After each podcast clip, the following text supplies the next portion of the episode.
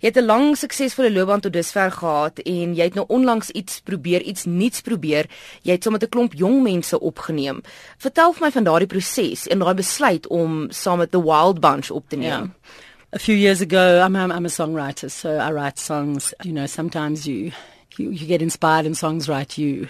Um, not everything I write is for me. Sometimes it just comes out and it's like I look at it afterwards and I see it's not really the avenue I'm going in, but but there it is. It's happened and it's come out, and that's what happened with this song, "Reminder to the World." Um, the lyrics sort of just flowed out of me, and I sort of looked at them afterwards and, and saw how this whole song had come together and and the meaning of the song. And I think it's quite uh, relevant in today's world, no matter where we are.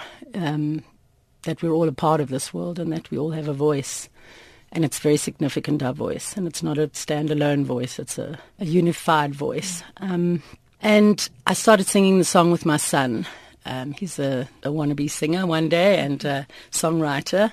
And I asked him to help me with the lyrics. There were one or two lines that I wasn't happy with, and he, he fixed them or he came up with one. And so we sort of worked on the song together. And then we we recorded it just uh, you know with our phones and stuck it on Facebook and that kind of thing. And then um, I really had a strong feeling though that the song was meant to be sung by young people, young voices, especially because this is the world that they are going to be living in for the rest of their lives. And um, I just set that, I put that in my mind, that picture, and I've got some funding purely by accident. Somebody heard me doing the song and um, he said, "Can I finance this?" I never asked for it.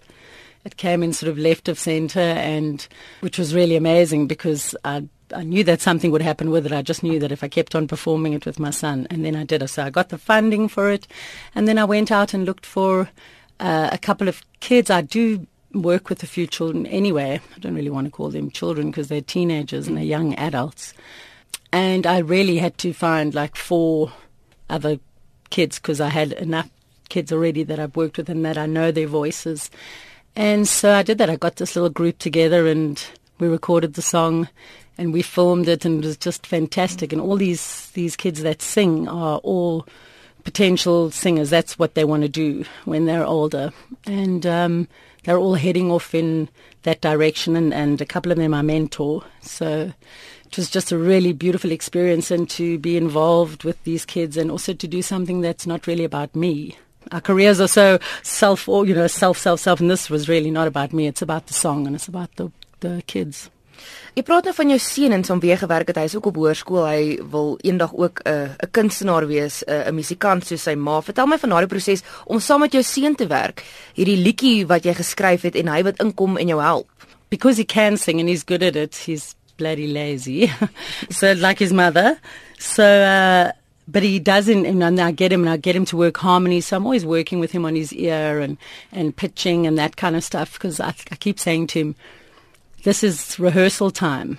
When you get out there, so I don't really believe in, in artists, young artists becoming famous at 16 and that. I don't know. I'm not into pushing him at this stage. I want him to be complete you know, with his schooling and be complete with his rugby and with his friends and with whatever he does, instead of trying to force the issue and, and get him to be a child star. Because I don't think that really serves you in the long run. You've got the rest of your life to be a musician. It doesn't have to be quickly now because, you know, it has to be done and you've got to be famous. And so I work with him all the time and it's, it's actually fantastic.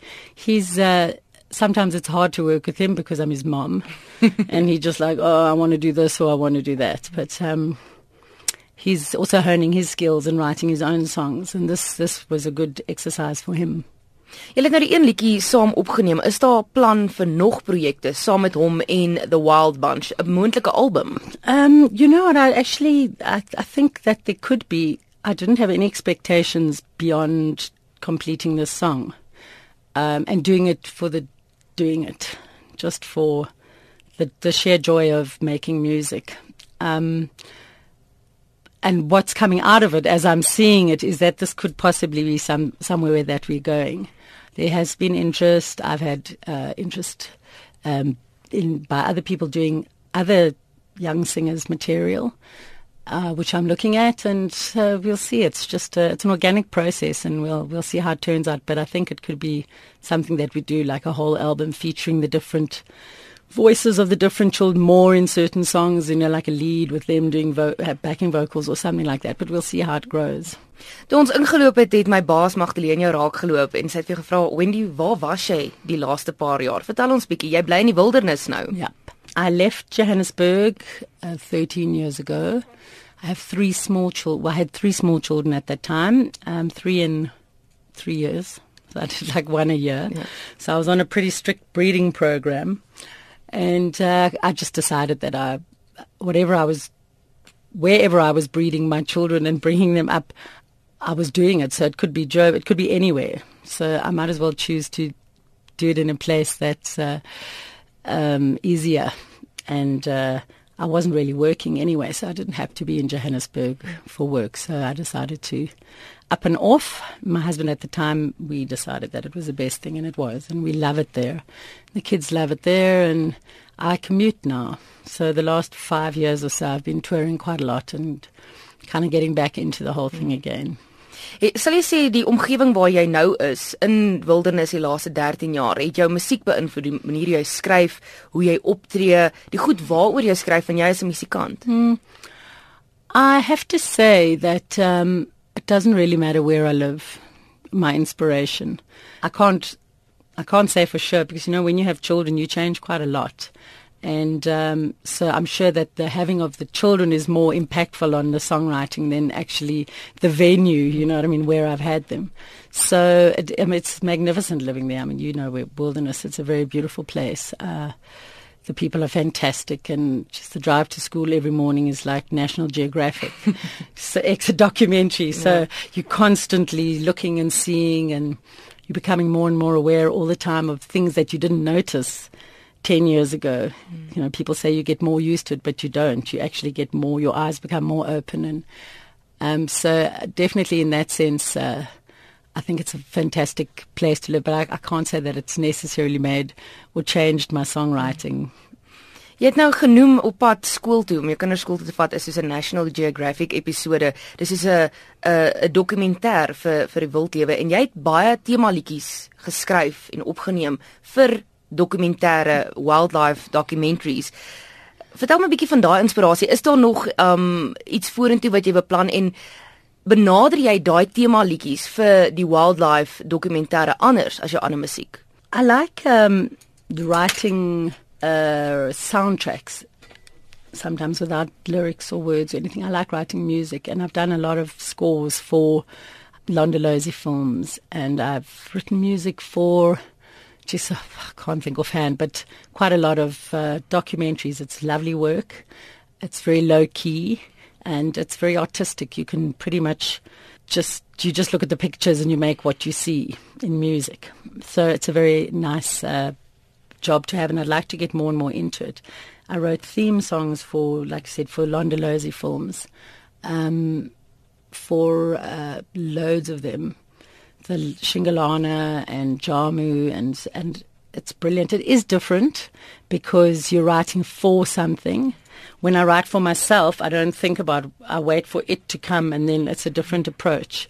It's um, if you're writing for something, you usually it's more it's it's a job, and you book to do it, and you you get the. You have to do it. It's not something yeah. that. And so you sit and you work, and they give you the ideas, and then you put it together. You design it around that thing. That's the it's it's an opposite process when I write for myself then you obviously you think about it and you think about the words and you think about the how you're going to do it and and you you sculpt it according it's more to mathematical yes then. and you sculpt it according to what their needs are mm. the the way I write for myself is I do it and then I look at it afterwards and go oh, okay is that is that where you're going Wendy so it's a far more of a trusting process the self work because I just have to trust well I don't have to but I do I just mm. trust that it will happen and it and it does Jy sien die laaste 5 jaar weer baie begin toer. Op 'n stadium het hulle gesê hy is een van die kunstenaars wat die meeste vertonings se jaar gedoen het, oor die 150.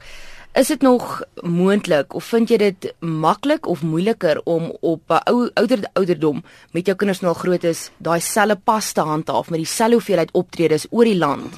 I do find it harder now. The the leaving. My kids are old enough now, so they sort of pretty much manage. They're in high school. They sort of manage their own lives and they do sport, and then we. That's fine. I do. I miss them when I travel. I do like the touring.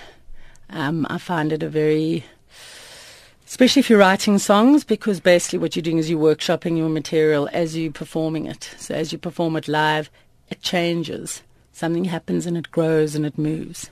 I mean, all live performers, I think, singer-songwriters, it's it's a pretty much a, a necessary part of the writing process is to execute it live and then it, it has a life of its own and it either just stays exactly as it is because it doesn't need to change or it changes and it grows because it evolves as, as you do.